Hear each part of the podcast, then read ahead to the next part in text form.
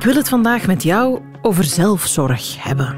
Wacht, als je dan meteen denkt van, goh, en zelfzorg, wat een woord, wat een wollig gedoe, dan zeg ik stop en dan zeg ik nee en dan zeg ik luisteren. Uh, hoewel ik helemaal niks te zeggen heb over uh, wat je eigenlijk gaat doen. Maar het is meer dan een bad pakken. Het is niet alleen voor vrouwen. En het is volgens Nina Mouton gewoon het begin van alles. Zij schreef er een boek over met die titel en daar vertelt ze graag alles over in deze aflevering van Voorproevers, de podcast. Ik ben Annelies Moons en ik ben blij dat je luistert. Zal ik het daarbij houden. Voorproevers. Um, ik denk in de hoofden van veel mensen dat het als volgt gaat. Als ik zeg uh, Nina Mouton, dan zeggen die mensen mild ouderschap. Uh, Nina, dat mag ook, want dat was jouw eerste boek. Ja. En jouw eerste dada, uh, mild ouderschap. Maar nu is er een nieuwe boek, Zelfzorg is het begin van alles. En eigenlijk leest dat als een soort prequel, als een soort boek voor mild ouderschap. Want ja, het is het begin van alles. En dus ook van mild ouderschap? Ja, het geeft elkaar wel de hand, inderdaad. Ja, mild ouderschap ben ik geëindigd, het boek met zelfzorg. Omdat ik drie jaar geleden voelde, hmm, het is misschien nog niet tijd om... Het is nog geen tijd om zelfzorg aan het begin van het boek te introduceren, ook al is dat wel de juiste plaats. Mm. en dus ben ik daarmee geëindigd. En is dit inderdaad ja, het vervolg of het begin of het... Ja. Of het mild ouderschap voor jezelf? Ook. Ja, Zeker, zeker. Ik zeg altijd, mildouderschap heb ik geschreven voor de kinderen rondom ons. En zelfzorg heb ik geschreven voor het kind in ons. Ja. Ons innerlijke kind. Ja, want misschien moeten we beginnen bij wat zelfzorg niet is. Mm reclameboodschappen vliegen ons om de oren met uh, dan moet je dit kopen, vooral veel dingen kopen natuurlijk. En dan, dan ben je voor jezelf aan het zorgen. Ja, ja. dat is het niet. Ja, ik denk dat zelfzorg en me-time heel vaak worden verward. En me-time is heel belangrijk. Ik ga zaterdagavond in bad met mijn bruisbal en ik uh, geniet daarvan en ik kom daar opgeladen van terug. Super belangrijk. En, en, uh... en dan zet je dat in je agenda en dan is alles in orde, zoiets. Voilà daar begint het dus. Hè. Dan wordt het zo een dingetje dat we op zaterdagavond zeker moeten doen. Maar hebben we dat eigenlijk wel nodig? Mm um, of nog zoiets, ja, ik ga gaan sporten hoor. Maar is dat iets wat dat voor u op dit moment past in uw leven? Doet je dan ook de sport die passend is voor u? Enzovoort. enzovoort. Dus um, we denken vaak dat we voor onszelf zorgen. Uh, maar het mag dieper gaan dan dat. En voor mij is zelfzorg zelfkennis. Ik ben psycholoog, dus ik bekijk dat ook heel erg psychologisch. Um, en um, ik denk dat we, als we onszelf echt heel goed kennen, dat we van daaruit ook heel erg goed voor onszelf kunnen zorgen. En ook voor de mensen rondom ons. Mm -hmm. um, we gaan ons niet meer leeggeven. We gaan niet meer uh, in de bres springen voor mensen als we eigenlijk zelf niet kunnen.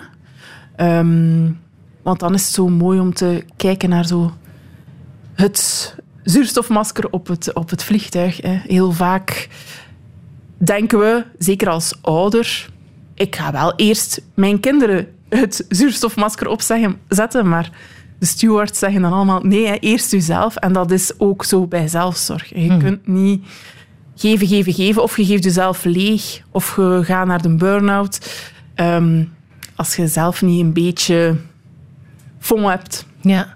En in een maatschappij, want ik zei daarnet, het is een woord dat je vaker en vaker hoort.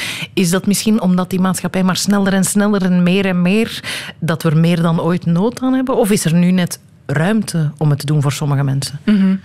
uh, ik denk dat we allemaal veel gingen meenemen uit de coronatijd, waarin dat we in quarantaines zaten en um, vertraagden. Maar ik denk dat we dat ook allemaal heel erg al zijn vergeten. Ja, want iedereen was... En die tijd om te wandelen en om ja. echt te doen wat we willen en minder verplichtingen en dat Ja. soort dingen. Maar dat zijn we allemaal vergeten? Goh, ik denk dat we dat wel wat meer vergeten zijn dan dat we initieel hadden gedacht. Want ja, de rat race is toch wel weer begonnen. En ik denk dat zelfzorg aanvullend kan zijn en een belangrijke is, maar dat het geen excuus kan zijn voor bijvoorbeeld werkgevers of de overheid om dan ook niet meer voor ons te zorgen. Hè. Ja, want dat is wel het gevaar als het ehm, veel over zelfzorg gaat, dat de verantwoordelijkheid helemaal bij onszelf komt te liggen Ja. en heel individueel ook wordt. Ja, inderdaad. Alleen bij het individu, terwijl zo werkt het niet. Hè. We we moeten goed voor onszelf zorgen of we, we moeten dat terug leren. Uh, maar het is zeker en vast een en-en verhaal. Mm Staan er veel dingen in de weg voor veel mensen om dat te beginnen doen? Goh, wat ik merk is dat veel mensen, nu dat het boek uit is en nu dat er wel wat geweten is over wat het boek gaat, dat het echt over zelfkennis gaat en dat het over graven gaat in um, ja, je kindertijd en in de patronen die je hebt opgebouwd, dat mensen wel wat bang zijn om die potjes te openen. Mhm. Dus dat er wel wat angst is van... Uh, hmm, ik laat dat toch liever toe en ik ga toch gewoon maar door en door en door. En ik ga verder in mijn copingstrategieën, um, die misschien u op dit moment wel dienen, op korte termijn u wel dienen, maar misschien niet op lange termijn. Ja, ja dus er is wel wat, wat weerstand om, om eraan te mhm. beginnen. Omdat je zegt ook, het boek is een, een, een beginpunt misschien, een stuk in een, een traject. Want dat, dat is het wel. Het is een levenslang proces? Of? Ja, ik denk het wel. Ja. ja, er is geen diploma aan het einde van mijn boek. Nee, ik was wel wat teleurgesteld dat er niet stond, Annelies, nu kan je het. Uh, alsjeblieft, proficiat. Ja, en dan zo ondertekend door mij, ja. nee, nee, nee, dat is niet... Want hoe was dat voor jou, dat proces? Is, dat is ook ongoing? Ja, zeker en vast, zeker en vast. En ik denk... Nee, ik denk niet. Ik weet dat... Ja, dat is iets van alle dag. En ik heb al heel veel dingen geleerd over mezelf, maar ik leer nog zoveel bij. In andere situaties, in nieuwe situaties, uh, ja, met nieuwe mensen die ik leer kennen, of, of in nieuwe werksituaties, of mijn kinderen die groot worden. Of. Dus ja. Terwijl je zou denken, eh, je bent psycholoog, uh, dan, ja, kan jij dat. En dan kan je dat al lang. Ben je ook zelf met, met, dat, met die ingesteldheid er ooit aan of niet aan begonnen? Had je zoiets van, oh, dat gaat niet helemaal over mij? Of was jij wel meteen van, ah ja. Ja, eigenlijk heb ik um, in mijn psychotherapieopleiding ontdekt dat het toch niet allemaal zo perfect was in mijn uh, kindertijd en in mijn jeugd. Want ik begon daaraan en ik dacht, ik ga hier niet degene zijn die hier zit te wenen en die um, allemaal trauma's gaat ontdekken over zichzelf. Ja, tarara. um, en dus dat was wel echt zo een, um, een schild of zo dat, dat moest doorbroken worden. Of, of waar dat ze, ja, mijn opleiders zeker erg hun best hebben voor moeten doen om, da om daar door te gaan. Uh, want het was niet allemaal perfect. Dus uh, ja, een groot, groot leerproces, uh, maar heel dankbaar. En ja, dat, dat, ik dat heb kunnen doen en, en dat ze hebben volgehouden om in een bunker te, ja, te exploderen of zo. Ja, ja, ja, want dat is het wel. Het is wel ehm, een soort, ja, bijna een aardbeving kan het wel, of meer zelfs, kan het veroorzaken, ook in je omgeving. Mhm. Want je, je zegt al een paar keer, je begint eigenlijk in je kindertijd. Dat horen we steeds vaker ook, die eerste duizend dagen, maar ook nog daarna. Um, is dat stap één van ga eens kijken naar, naar je kindertijd? Nee, um, ik vind dat al stap uh, vier of vijf. Um, het boek is ook wel zo opgebouwd dat we rustigjes beginnen en kijken naar lichamelijke signalen en wat zijn uw behoeften en wat zijn uw emoties. Om dan te kijken naar stress en trauma en patronen die we hebben opgebouwd. Mm. Dus stap voor stap. Ja, ja oké. Het is niet dat je meteen uh, deze kerstmis uh, alles op tafel moet leggen bij je, bij je familie en zeggen dat was niet. Want dat is ook wel. Dat, dat in het hele discours, ook van het belang van die jonge kindertijd, ouders en zeker uh, vorige generaties, die schuifelen soms zo wat zenuwachtig van, is het dan allemaal mijn schuld? Mm -hmm. is het dan allemaal hun schuld? Nee, zeker niet.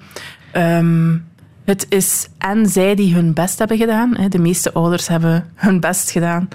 Um, en de volgende generatie, de kinderen, die zaken hebben gemist of die zaken te veel hebben gekregen. En dat is zo voor elke generatie. We hebben zelf ook kinderen. Het besef van, ik ga mijn kinderen dingen meegeven ja, die zij niet leuk vinden of die zij, waarvan dat zij blauwe plekken gaan hebben of waar ik niet heb op gelet of waar, waar, waarbij ik niet beter wist. Dat is een hele mooie start om aan het ouderschap te beginnen. Want als je het perfect wilt doen, ook dan geven ze blauwe plekken mee. Want dan steken ze in een gouden kooi en dan ehm, moeten zij het perfecte kind zijn om u de perfecte ouder te laten zijn. Hmm. Dus het, het is niet zo, stel dat we met z'n allen uh, mild ouderschap toepassen, dat onze kinderen dan jouw volgende boek zelfzorg minder zullen nodig hebben? Het is wel zo dat alles wat wij eh, doorbreken, alles waar wij ons van bewust zijn, daar moet de volgende generatie niet meer zoveel aandacht aan besteden. Zij kunnen dan aan andere dingen werken. En zo helen we eigenlijk doorheen de, de generaties. Door dus al het werk dat je verzet, is een cadeau voor jezelf, maar ook voor de generaties onder u. Voilà, en cadeaus. Ik kijk achter jou, zie ik daar een kerstboom staan. Uh, dat zijn cadeaus om daaronder te leggen, zeker. Uh, we hebben het er zo meteen verder over na. Sofian Stevens en Love Yourself. Radio 1. Met Nina Mouton vanavond en dus met zelfzorg. Want zelfzorg is het begin van alles, zo heet jouw nieuwe boek, Nina. Um, zelfzorg is ook iets dat weliswaar wat wordt weggezet als iets, iets wollig en iets voor vrouwen ook. Mm -hmm. um, merk jij dat ook in reacties als jij, zegt, als jij daarover begint tegen mensen? Minder. Minder dan um, een paar jaar geleden. Ik moet zeggen, vroeger, voor de corona, gaf ik lezingen. Mm -hmm. En dan uh, gaf ik lezingen over multouderschap en over zelfzorg. En multouderschap, dat was altijd direct uitverkocht. En zelfzorg, dat was trekken en sleuren. Mm. En nu merk ik dat omgekeerd is. Ik geef geen lezingen meer, maar ik geef wel online trajecten. En uh, nu zit iedereen op die zelfzorg. Dus ik denk dat er voor alles een tijd is of zo. Um, Want er zijn wel wat mythes over, over zelfzorg. Hè? Dat het egoïstisch zou zijn. Mm -hmm. Mm -hmm. Ja, als we voor onszelf beginnen te zorgen, dan gaan we zo naar het andere eind van het continuum gaan. Van de allergrootste altruïst naar de allergrootste egoïst of zo. En er is zo niks meer tussen. Dat is dan het idee van onszelf, als we voor onszelf beginnen zorgen, of van de omgeving. Mm -hmm. Terwijl dat kan zijn hè, dat je plots even overhaalt naar de andere kant, omdat je het midden moet zoeken. Mm -hmm. um, maar dat is een zoektocht en dat is, dat is juist het mooie. Mm. Ja, of voor sommige mensen komt het misschien wel goed uit als iemand niet voor, goed voor zichzelf zorgt, maar van alles doet voor die andere persoon.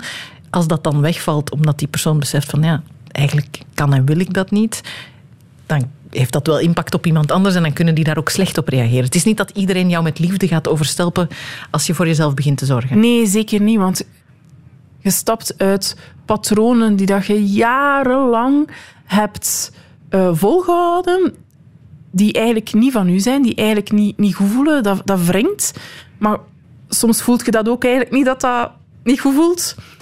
Uh, omdat, je, omdat je niet meer in contact staat met je eigen behoeften, met je eigen emoties. Je hebt zo grote voelspritten voor iedereen rondom u, dat je niet meer kunt voelen bij jezelf. Wat heb ik nodig? Want dat kan er niet meer bij. En dan is het voor de omgeving inderdaad een heel grote shift dat jij plots nee gaat zeggen. Of dat jij plots toch grenzen hebt. Van waar komt dat nu ineens? Mm-hmm. En dat kan inderdaad um, vrij, voor wrijving zorgen en moeilijk zijn. Um, maar daar valt natuurlijk ook allemaal over te praten en, en, en over... Um, ja, samen te groeien. Mensen die in mijn online traject zitten, die zeggen soms van... Ja, ik als vrouw, want je zei daar juist... Uh, uh, man-vrouw verschil. Ja, mijn man zei, ja, doe maar, hè, maar mij er niet mee belasten, hè, want ik wil, dat, ik wil dat allemaal niet... Jij mocht dat doen, maar ik niet. Oké. En dan, na dat traject, zeggen die mannen vaak, ja, maar dat is nu wel heel gemakkelijk dat jij zo goed kunt communiceren, dat jij zo goed kunt aangeven wat jij nodig hebt. Ik wil dat ook kunnen, want ik voel hoe gemakkelijk dat, dat is voor mij, dus ik wil u dat ook geven. Mm-hmm. En dan... dan dus, ja, ja, het is een ja, beetje in tweede lijn misschien. Ja, en het is zo'n olievlek. Um, ik ben zo met zelfzorg begonnen en met therapie en door, door mijn therapieopleiding. En uh, ik vertelde mijn zus daar, daar heel veel over. Hij zei, maar Nina, ja, bij mij is dat niet zo. Of, allee, ja, zo in de ontkenning, de ontkenningsfase, we moeten er allemaal door. En um, toch, zo kleine stapje per stapje. En ja, nu is zij zo ook helemaal mee. Mm-hmm. En, en, heeft ze um, ongelooflijke tekeningen gemaakt? Ja, in mijn boek inderdaad. Ja, ja. Zonder eigenlijk heel veel woorden nodig te hebben van mij, maar gewoon uh, door, ja, doordat ze zo goed weet over wat het gaat, dat ze dat ook zo goed um, voelt, wat het is, echte zelfzorg. Uh, ja, heeft ze ongelooflijk mooie tekeningen gemaakt in mijn boek. Ja. Ja, ja, dus het is een olievrek die uitspreidt. Het begint misschien bij veel mensen die jouw trajecten volgen, ja. zijn vrouwen. Ja. Uh, maar dat verspreidt zich dan wel ook naar mannen en ja. naar, naar andere mensen die er misschien niet in eerste instantie zou bij terechtkomen. Nee, inderdaad. inderdaad ja. Je hebt altijd, ook als individu, impact op je omgeving. En als jij verandert, moet, moeten de anderen ook veranderen. Moeten de anderen ook van plaats verschuiven. Al is dat maar een beetje, hè? maar iemand die verschuift of beweegt in het systeem, de anderen gaan meebewegen. Mhm. Ja. Ja. Een belangrijk facet er ook van, want je zegt eh, zelfzorg is iets wat we, ja, zodat gewoon aandacht aan jezelf besteden, dat is iets wat niet altijd ho- hoog naar waarde wordt geschat. Wat ook heel moeilijk is voor veel mensen, is hulp vragen en hulp aanvaarden dan ook nog. Waarom is dat zo moeilijk voor, voor zoveel mensen, denk je? Ja, we moeten het allemaal zo hard alleen kunnen doen. Hè. We kiezen voor kinderen. We kunnen nu kiezen. In deze tijden kunnen we zelf kiezen voor kinderen. En omdat we zelf hebben gekozen voor kinderen, moeten we het ook allemaal zelf doen. En we willen ook, of we moeten ook, er moet zoveel in, in deze periode van, van ons leven. Hè. Ik ben zelf 37, we moeten en kinderen, en een huis kopen, en carrière maken, en, en, en, en, en. Ja, dat is wel heel veel. En we moeten dat dan ook nog eens allemaal alleen doen. Dus die verwachtingen die wij hebben, maar die ook de omgeving heeft en die ook, want heb jij nu nog geen, geen lief en heb jij nu nog geen huis en heb jij nu nog geen kinderen als je nu 30 jaar bent, Ehm, maar die ook de maatschappij heeft, hè, want het gezin, de hoeksteen van de maatschappij, we houden alles draaiende. Ehm, ja, dat is wel heel veel. En dan moeten we dat nog een keer alleen doen. Ook dat wordt verwacht. hè. Ja. En, want waarom vinden we dat, dat we dat alleen moeten doen? Is het dan iets dat uit onze kindertijd komt? Ik denk dat dat heel erg gegroeid is. Vroeger, ik moet even rekenen, het 60, 60, 70 jaar geleden, dan woonde uw tante gewoon naast u of in hetzelfde dorp. Ik woon ook niet meer in mijn geboortedorp. Dus ik heb ook mijn familie niet meer rondom mij. Ze wonen niet zo heel ver, maar dat is, dat, dat is allemaal niet meer zo evident. Van, ga een keer bij, bij tante Lydia gaan spelen of bij de buren. Of, eh, de, die sociale controle is ook helemaal ehm, verdwenen. Plus, we hebben zo niet meer dat communitygevoel echt in, in, de, ja, in de wijk of in de straat. Of in, we, we, we zitten allemaal wel achter onze gordijnen in ons eigen huis te ploeteren. Ja, want en het voelt toch ook als een soort zwakte, denk ik, voor veel mensen. Als ze zeggen, ja, ik heb wel hulp nodig of ik heb... Het gaat, het gaat niet alleen. Dat Ja. voor, door, ik denk dat veel mensen de perceptie hebben dat dat dan een zwaktebod zou zijn. Of dat dat... Ja, terwijl dat een heel mooie vraag is en een heel verbindende vraag naar uw omgeving. De omgeving staat heel vaak klaar om te helpen, maar weet niet hoe. hoe en geven u dan overschotels, terwijl dat je overschotels haat. Voor alle duidelijkheid, ik haat geen overschotels, dus eh, ze zijn welkom. Maar ehm snapte, het, het geven en het, het eh, nemen van mensen gaat soms niet rond. Omdat mensen wel dingen willen geven, maar ze geven u dan het verkeerde. Omdat jij ook niet communiceert wat dat je eigenlijk nodig hebt. Ik heb geen overschotels nodig, maar het zou wel heel tof zijn als je de kinderen van school gaat halen. Of als ik u kan bellen als het niet goed gaat met mij. Of, of, of hé, wat heb jij nodig? Wat voor steun heb jij nodig? En dat is zo jammer dat die energie dan niet rond kan gaan, want er is van alles om te geven en er is van alles om te krijgen. Maar die communicatie loopt spaak omdat we ons schamen of omdat we ons gaan schuldig voelen of omdat we vinden dat we het allemaal alleen moeten kunnen. Mhm. En omdat we eh, ook weinig weten over wat we zelf nodig hebben, welke hulp we kunnen vragen en ook wat voor hulp mensen kunnen geven. Want je kan iemand opbellen om een groot gesprek te voeren over ik voel me niet goed en het gaat niet. Als die persoon niet, niet goed is in zo'n gesprek, hè, dan, dan krijg je ook wel wat de tekst op je neus. Ik denk, mensen zijn Ja. ook bang om afgewezen te worden als ze die hulp dan vragen. Ja, voor mij en voor mijn cliënten ook voel ik, is het een enorme eye-opener om te weten bij wie kan ik wat krijgen. Ehm, en bij wie kan ik die emotionele steun krijgen en wie kan mij dat geven. En sommige mensen kunnen dat gewoon niet. Die kunnen dat niet, maar die kunnen wel nagels in uw muur komen kloppen of overschotels komen geven of eh, uw kinderen van school gaan halen en die kunnen die praktische steun dan geven. En je hebt alle twee nodig. En de ene is beter of handiger in het ene dan in het andere. Ja, ja, ja. Je is kunt ook gewoon niet alles verwachten van, van ene persoon. Ja, ja, ja. en omdat ik, ik las ook ergens dat, het, dat er veel druk op relaties komt te staan, omdat we dat verdwijnen van die village waar het zo vaak Mhm. over gaat, dat we dat dan in die ene persoon gaan steken. Dat Ja. we dan verwachten dat die partner die hele village is, maar die kan dat natuurlijk ook niet allemaal opvallen, maar die ene dichte vriend of dat ene familielid natuurlijk ook niet. Nee, inderdaad. inderdaad. Het is gewoon te veel om... eh, Ja, en soms moeten we daar wel wat over rouwen, over dat idee dat bijvoorbeeld onze ouders ons alles zouden kunnen geven. Want soms verwachten we dat ook. Hè. Maar ja, dan, dan gaat dat wel gepaard met, met verdriet en met waar kan ik het dan wel halen. Hm. Gaat het ook over een idee, bijvoorbeeld als het dan over ouders gaat, het idee dat, ehm, dat er maar één soort band is met, met ouders? Als je zegt, we moeten daar wat over kunnen rouwen. Ik wil wat naar sociale media en hoe die daar wel wat aan bijdragen. Als jij nu in de kerstperiode ga je foto's zien van allemaal gelukkige families die samen een kerstfeest vieren, dan lijkt dat alsof iedereen wel bijvoorbeeld een emotionele band met zijn ouders heeft. Eh, Draagt dat ertoe bij, denk je, die sociale media? Ja, dat zal wel. Ja. We kunnen nog zo hard weten, en we weten dat allemaal, sociale media zijn niet echt en het is maar een momentopname.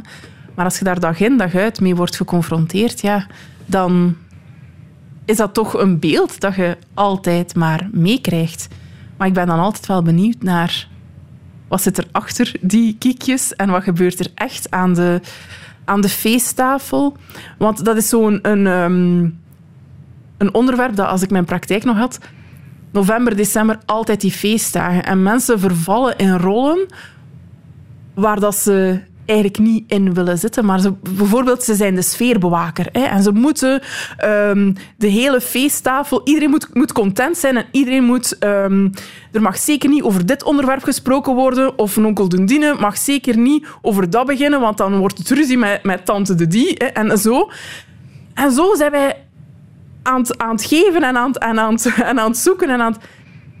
Dat zien we niet, hè. Dat zien we niet op social media. Hè. Nee, nee, nee. Dat zien we niet. En ja, dat is... ehm, al die onderhuidse zaken, zo, al die patronen, vind ik super interessant om, om daar naar te kijken. Ja. Als iedereen dan een keer als caption onder zijn social media post zou zetten, welke rol heb ik nu opgenomen?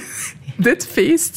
Het zou veel eh, verhelderen. Ja, ja, en waar heb ik mij overal zorgen over gemaakt en wat voor stress Ja. heeft het? Want ik denk dat het, het begint al soms met, met de cadeaus op voorhand. Van gaat die wel dan blij zijn met dat en hoe moet ik eruit zien? En Ja. er, er, ja, stress is ook een hele belangrijke. hè? Ja, zeker, zeker. En de verwachtingen van het feest en de verwachtingen van de mensen die u dan uitnodigen en de verwachtingen van de familie en de ver- Ja. Ja. Ik merk dat ik, en dat zullen nog mensen hebben, dat ik jou dan nu concreet om tips wil vragen van hoe overleef je dan zo'n zo'n feesten. En, maar het, kan je tips geven? Of is de tip, lees dan het boek en begin aan je traject van zelfzorg? Want het, mensen willen ha- hapklare tips, denk ik. Hè? Ja, inderdaad. Ehm, ik heb er wel een webinar over. Die vind je op mijn website over de feestdagen. Ehm, maar ehm, het is heel individueel. Maar wat ik wel... Ik kan wel, kan wel tips geven natuurlijk. Hè. Eén tip is bijvoorbeeld hoe inchecken bij jezelf. Is dit hier nog oké? Wat heb ik nodig? Sommige mensen hebben het gewoon nodig om even van die feesttafel weg te gaan en zich bij de kinderen te zetten en te gaan kleuren. Hoe ontprikkelend is dat niet? Of om even een wandelingsje te gaan doen of, of echt om uit de situatie te gaan. Voelen, wat heb ik nodig? En zit ik hier in overprikkeling bijvoorbeeld? Of ehm, ben ik hier weer te veel aan het geven? Of ehm, heb ik te veel gegeten? Of ja, eh, al die dingen. Het is veel, zo'n feest. Het is superveel. Dus check zeker in bij jezelf van wat is er hier aan de gang? Wat heb ik nodig? En pak het jezelf dan. Het is niet onbeleefd om even naar buiten te gaan. hè. Het is oké. het is oké. Eh, maar ook op voorhand kun je goede afspraken maken met mensen die je heel goed kennen. Bijvoorbeeld, ja, mensen die je goed kennen en die, die kunnen zien van, oh, maar jij bent aan het overprikkeld geraken. Of, hm, kom, we gaan even naar het toilet, want eh, het is hier te veel. Hè. Dat, dat er ook gezorgd wordt voor u. Of bijvoorbeeld als jij de persoon bent die voor iedereen zorgt door de kroketten op te scheppen en, en, en de glazen wijn eh, bij te vullen. Wie kan er u daarbij helpen? Er zijn nog mensen aan tafel. Jij moet dat niet alleen doen. hè. Ehm, en zo zijn er kleine dingen die je kunt die, die eigenlijk het hele feest kunnen, kunnen veranderen. Ja, en het zijn kleine dingen die eigenlijk ook de grote dingen zijn. Ja, Eh, inderdaad. kijken naar wat heb ik nodig en daar dan eh, naar handelen in Ja. het beste geval. Ja. Dat gaan we al meenemen. Dat is duidelijk. Voorproevers. Je bent nog altijd bij voorproevers over zelfzorg dus, want zelfzorg is het begin van alles. Dat is het nieuwe boek van Nina Mouton.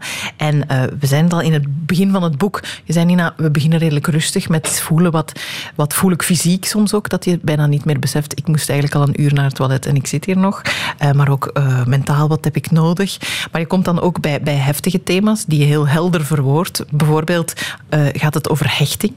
Dan zijn we terug bij die kindertijd. Daar daar is echt heel veel dat er gebeurt. Hè, over hoe je gehecht bent als kind. Ja, ja, hechting is wel zo een kapstok, zeg ik altijd. Ik geef kapstokken voor in uw kleerkast en kijkt welke kapstok dat er in past op dit moment in uw leven. En hechting is voor mij echt zo'n basiskapstok.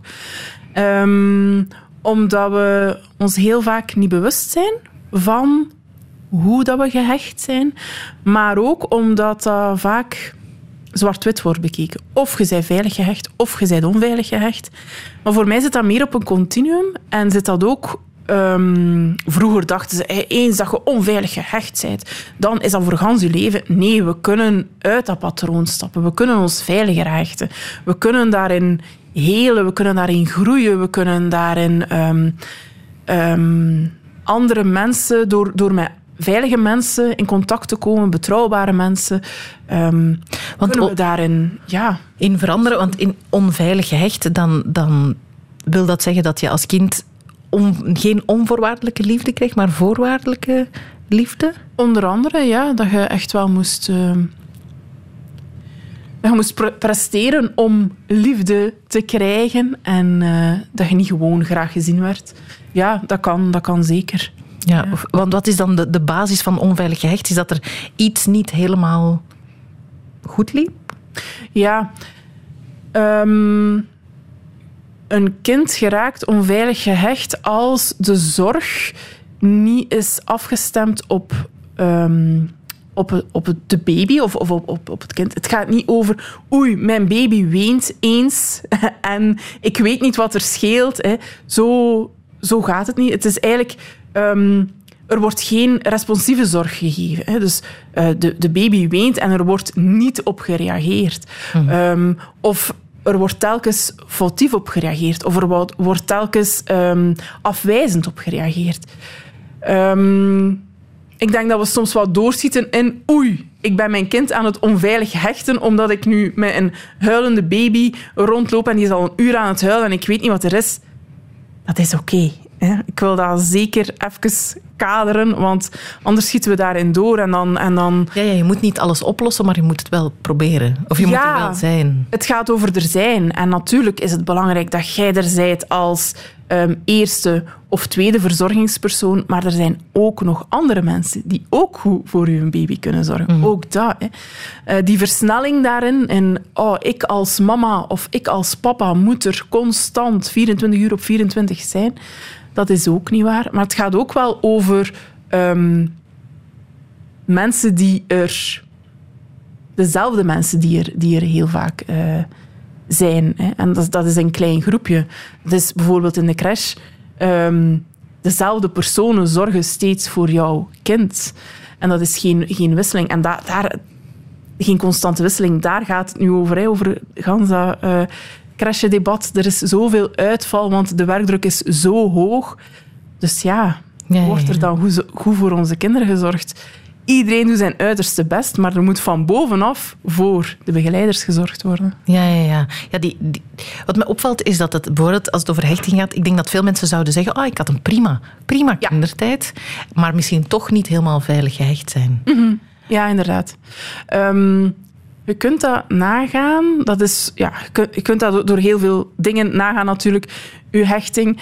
Maar een trucje van de psychologen is als je... ehm, als mensen bij mij komen en zeggen, ja, maar ik ben veilig gehecht, dan vraag ik naar concrete herinneringen in de kindertijd.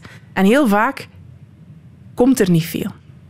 En dat kan wijzen op een onveiligere hechting. Er is, er is niet veel herinnering aan leuke dingen of aan, aan, aan dingen toekoor. Toekoor gewoon.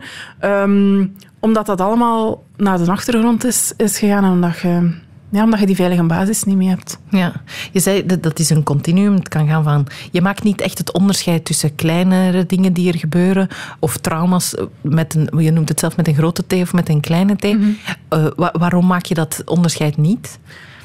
Omdat een trauma met een kleine t tussen aanhalingstekens voor heel veel moeilijkheden kan zorgen voor die ene persoon. En voor een andere persoon helemaal niet. Ehm, het gaat voor mij om, is die persoon veerkrachtig om daarmee om te gaan, om daarmee te kunnen omgaan en hoe, ehm, wat is er nodig om daar veerkrachtig mee te kunnen omgaan? Die, als we kijken naar corona, voor sommige mensen is dat echt traumatisch geweest. Hè? En voor andere mensen was dat Prima. Ja, niet tijd de van hun leven. Ja, of wel? Oh, die quarantaine, de max, ja. Eh, eindelijk eh, op mijn gemakske Netflix kijken. Allee, ik ben het nu een beetje humoristisch, humoristisch aan het bekijken, maar hè, wie ben ik om te zeggen dat uw trauma een klein trauma is of een groot trauma? Ja, ja, ja. Dat is Ja. aan iedereen. Ja, en de- ik denk dat veel mensen ook, wanneer ze het lezen, bijvoorbeeld over hechting, dat ze zich dan toch wel wat herkennen in dingen en dat ze dan misschien minder zeggen dat ze een prima kindertijd hadden. Zo gaat dat ook over parentificatie. Wil je dat eens uitleggen, wat dat precies is? Ja, als eh geparentificeerd kind heb je eigenlijk moeten zorgen voor je ouders op een niet leeftijdsadequate manier. Dus je hebt bijvoorbeeld... ehm, ehm, het gekendste voorbeeld is dat een kind het huishouden helemaal moet draaiende houden, omdat eh, de ouders dat niet kunnen. Maar bijvoorbeeld ook, ehm, je hebt als, als jong kind moeten luisteren naar alle eh, moeilijkheden van je ouders, terwijl ja, als kind moet je dat natuurlijk niet opvangen. En je moet je moogt natuurlijk ook de afwas doen als kind, ehm, als je daar de leeftijd voor hebt. Dus dat is niet parentificatie, maar je kunt niet de vriendin zijn van uw moeder die het heel moeilijk heeft. Daar, daarvoor heeft uw moeder leeftijdsgenoten of professionals nodig. En ja, het is niet leeftijdsadequaat geven en daar ook niet voor gezien zijn. Ja, ja. Ehm, ja. Ik blijf nu hangen omdat je zegt, die hebben professionals nodig, bijvoorbeeld in dat geval. Is dat ook eh, belangrijk in dit traject? In, hoe zie je dat tegenover het boek? En dan heb je professionele hulp. Ik denk dat ik vijf of zes keer in het boek zeg van mannetjes, het kan zijn dat het hier heel zwaar valt. Ga alsjeblieft op zoek naar de gepaste hulp. Ehm, want ik vind het belangrijk dat ik die thema's aanhaal, omdat dat heel onbewuste zaken zijn waarin dat wij ons leven maar leiden. En we zijn ons daar gewoon niet van bewust. Dus ik, ik wil ze benoemen. Maar alsjeblieft, ja, ga in begeleiding en zoek de gepaste hulp als het allemaal eh, te veel is. Ja. En merk je dan dat jouw boek, dat de drempel daartoe lager is? Want dat is wel een grote stap hè, om professionele hulp te zoeken. Is jouw boek daar dan een schakel tussen? Dat kan ik nu nog niet zeggen. Het is nog maar zeven weken uit momenteel. Maar mijn traject bijvoorbeeld wel, mijn online traject, eh, dat, ja, daar krijg ik heel veel feedback van. Ja, eindelijk heb ik door u naar een professional gegaan en ik combineer de twee en dat, ja, dat werkt zo goed voor mij. Ja. Ja. Mag ik nog één concrete tip geven voor de komende periode? Omdat, ehm, ik, ik, om- omdat het een zin is die bij mij heel erg is blijven hangen. En dat is de moet ik dit nu doen zin. Ik kan hem op heel veel manieren zeggen, hè, want dat is het belangrijke van die zin. Kan je het uitleggen hoe we hem kunnen gebruiken? Ja, dus eigenlijk kan je ehm, op gelijk welk woord de klemtoon leggen en dan wordt het een andere zin, ook al zijn het dezelfde woorden. hè. Moet ik dit nu doen? Of moet ik dit nu doen? Dat is al een heel andere eh, gegeven. Of moet ik dit nu doen? Ehm, al die vragen kunt u stellen als het gaat over zaken die u heel veel kosten. Ja. Ja. Wat misschien in de opkomende periode, die dan toch net iets meer weegt voor sommige mensen, een extra goede zin is om in je hoofd te houden. Ja, zeker en vast. Ja. Ja. Zonder dan te zeggen dat mensen wel zullen zeggen, moet ik dit boek nu kopen dan doen? Eh, dat, Of moet ik het onder de kerstboom leggen? ja, maar je, je zei, het is nog maar een paar weken uit, maar het is eh, aan zijn vierde druk al toe. Ja. Dus eh, je raakt wel een snaar, denk ik. Ja. Ja, inderdaad. Ja, Dat, dat valt op. Nina, fantastisch dat je er was. Dank je wel daarvoor. Laat ons misschien ook nog één keer verwijzen naar jouw webinar. ehm, want dat is een gratis webinar over die feestdagen. Ja, hè? inderdaad, inderdaad. Op jouw website, denk ik. hè? Ja.